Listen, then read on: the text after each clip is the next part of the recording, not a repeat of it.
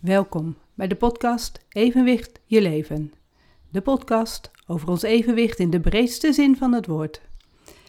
Dit is seizoen 3, aflevering 20, rouw. Ik ben ja, in de rouw. En dan gaat het maar om een kat. In aflevering 17 heb ik verteld over uh, onze kat Bagheera. En toen wist ik nog niet wat het vervolg zou zijn. Het vervolg is geweest dat wij alsnog weer naar de dierenarts zijn geweest. En de dierenarts die had zo van, ja, dit is een hele gezonde kat. Uh, er is niet zo heel veel mee aan de hand, zo uiterlijk gezien. En met alles wat er toen gemeten werd. We hebben allerlei medicatie meegekregen, zodat hij niet zou gaan braken meer. Want dat deed hij gewoon veel te veel. Zodat alles eten wat hij ging eten, dat hij dat dan ook binnen zou houden. En dat zijn we gaan geven, maar eigenlijk, ondanks dat hij die medicatie al kreeg, die hij ook daar al had gekregen in, uh, bij de dierenarts, moest hij toch nog braken. En dat mag helemaal niet. Dus wij de volgende dag weer met de kat naar de dierenarts. En daar was een andere dierenarts, want het is een praktijk met meerdere dierenartsen. En die had echt zo van, dan ga ik hem toch verder onderzoeken. Dus we hebben hem daar gelaten en zij gaan, zijn verder gaan onderzoeken. En toen had ze echt zo van, ja, ik voel toch iets in die buik wat daar niet hoort.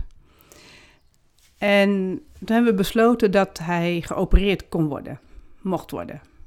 Dus ze zijn hem gaan opereren. En de afspraak was ook van tevoren van als je iets heel raars vindt en je zegt van nou, uh, dit is ook niet meer oplosbaar, dan hoeft hij ook niet meer wakker te worden uit die narcose.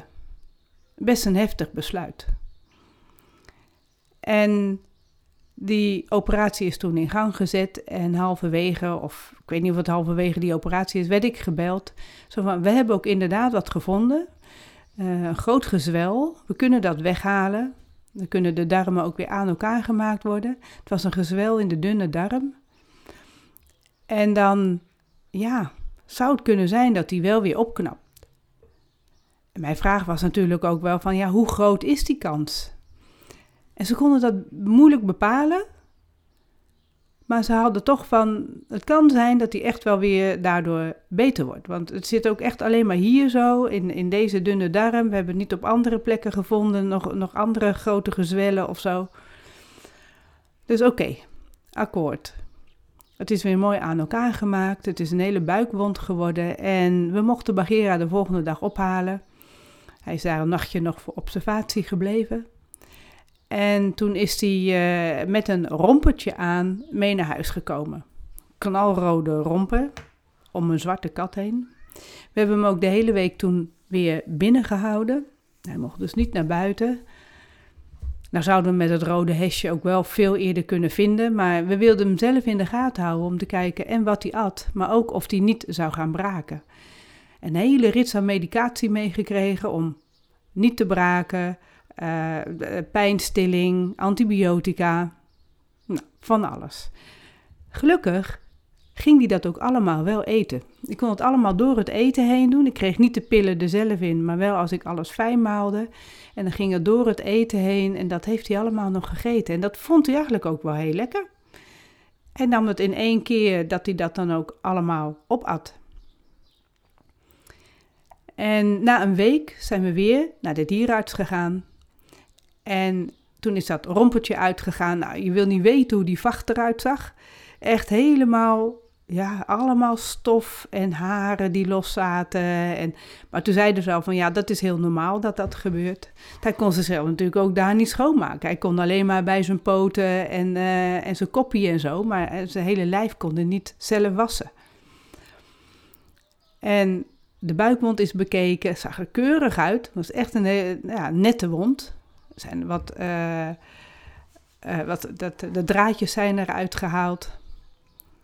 En we konden hem ook weer mee naar huis nemen. We hoefden ook verder helemaal geen medicatie meer te geven. Dus nou, ga maar met hem uh, kijken of hij weer zou gaan eten. En zonder dat rompertje aan was die kans ook best wel weer groot dat hij gewoon lekker weer ging eten en lekker naar buiten en nou, springen, uh, alles doen. Alleen ja, dat gebeurde dus niet. Hij ging in tegenstelling tot wat hij daarvoor deed, dat hij alles wel at, ging hij nu dus niet meer eten. Sowieso de brokjes al niet meer, die hij zijn hele leven al heeft gegeten hier in huis. Uh, ook al het andere lekkere eten wat we aan hem gaven, wilde hij niet. Het enige wat hij nam waren de kattensnoepjes.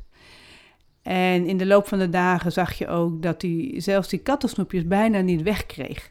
Hij ging het dan wel kauwen, maar dan de helft viel er dan ook weer uit. Dus het hele slikken ging niet goed. Hij ging wel dus dan naar buiten en kwam ook elke keer wel weer terug. Maar we hadden zelf zo van, dit gaat niet goed. Alweer niet. En toen had ik ook gelezen dat een kat die sowieso zo weinig eet of helemaal niet meer eet, daar kunnen katten niet goed tegen. Dan is er meteen al dat uh, iets met de nieren gebeurt en met de lever. Dus opnieuw de dierenarts gebeld. En die zeiden al van ja, dan, uh, je, je, mag wel komen, we hebben het wel heel druk, maar dan nemen we hem wel op. En dan op het moment dat er even tussendoor tijd is, gaan we hem even onderzoeken. Maar ja, wat wil dan? Uh, we konden meneer natuurlijk nergens vinden. Die was dus weer buiten ergens. En we hebben geen idee welke plekjes hij altijd opzocht om dus zich te verstoppen. Maar hij was dus nergens te zien. En pas eind van de dag kwam hij aanlopen. Hij was er dus toch nog. Hij leefde nog. En toen was het te laat natuurlijk om naar de dierenarts te gaan. Toen hadden ze al aangegeven van dan moet je s'avonds maar naar de dienstdoende huisarts gaan. Dat zou dan helemaal in Harderwijk zijn. Dus vanaf Zeewolde moet je echt met de auto helemaal naar Harderwijk. Maar ja, meneer was ook s'avonds weer verdwenen, dus ook die konden we toen weer niet vinden. Want ja, het is warm en uh, af en toe gaan de deuren open en hij vlucht gewoon naar buiten. Hij is er gewoon zo vanzelf vandoor. Gelukkig kwam hij eind van de avond toch weer aanlopen. Hebben hem naar binnen gezet en toen ook echt gezegd van morgen doen we hem niet naar buiten. Morgen blijft hij echt binnen. En dat hebben we dan ook gedaan. En de volgende dag heb ik ochtends weer de dierenarts gebeld, hebben we afspraak gemaakt. En de hele dag heb ik gekeken wat hij deed en hij lag alleen maar. Hij lag te slapen, hij zat te kijken, allemaal op hetzelfde plekje. Ik ging water bij hem brengen, mocht hij drinken. Nou, nam hij een paar slokjes, maar dan zag je al hoeveel moeite het hem kostte om dus te drinken. Je zag een beetje die ingevallen ogen, ook dat, dat, dat oogcontact, dat hij dat niet meer maakte. Dat hadden we ook al eerder voor de operatie, hadden we dat ook al meerdere keren meegemaakt. Dus zo van, dit, dit gaat niet goed. Dit is echt, nee. hij, hij, hij, is ziek. Uh, dat lichaam wil niet meer. Dus zo zijn we ook naar de dierenarts gegaan. En gelukkig kon mijn man ook mee. Want we hadden zelf natuurlijk al van uh, grote kans dat we hem uh, moeten laten inslapen. En we komen daar bij de dierenarts en het was ook dezelfde arts die hem ook geopereerd heeft. En ze zei ook van, ze ging hem ook voelen en even luisteren. En toen, ja, ze zag ook wel uh, hoe mager die was. Opnieuw ook gewogen. En hij was in één week tijd 400 gram afgevallen. Ja, er zat bijna niks meer, meer aan vlees aan. Dat kon je ook wel zien, je kon het voelen. Dus zij zei ook al, ja, ik weet ook niet wat ik verder nu zou kunnen doen. Eigenlijk is er ook niets meer te doen. Dus toen hebben we ook samen de beslissing genomen van, uh, we laten hem inslapen. Dus uh, ja, in mijn armen. Ik heb hem vastgehouden. Eerst een slaapmiddel. Zodat hij eerst in slaap viel, zoals hij normaal ook anders een narcose zou krijgen.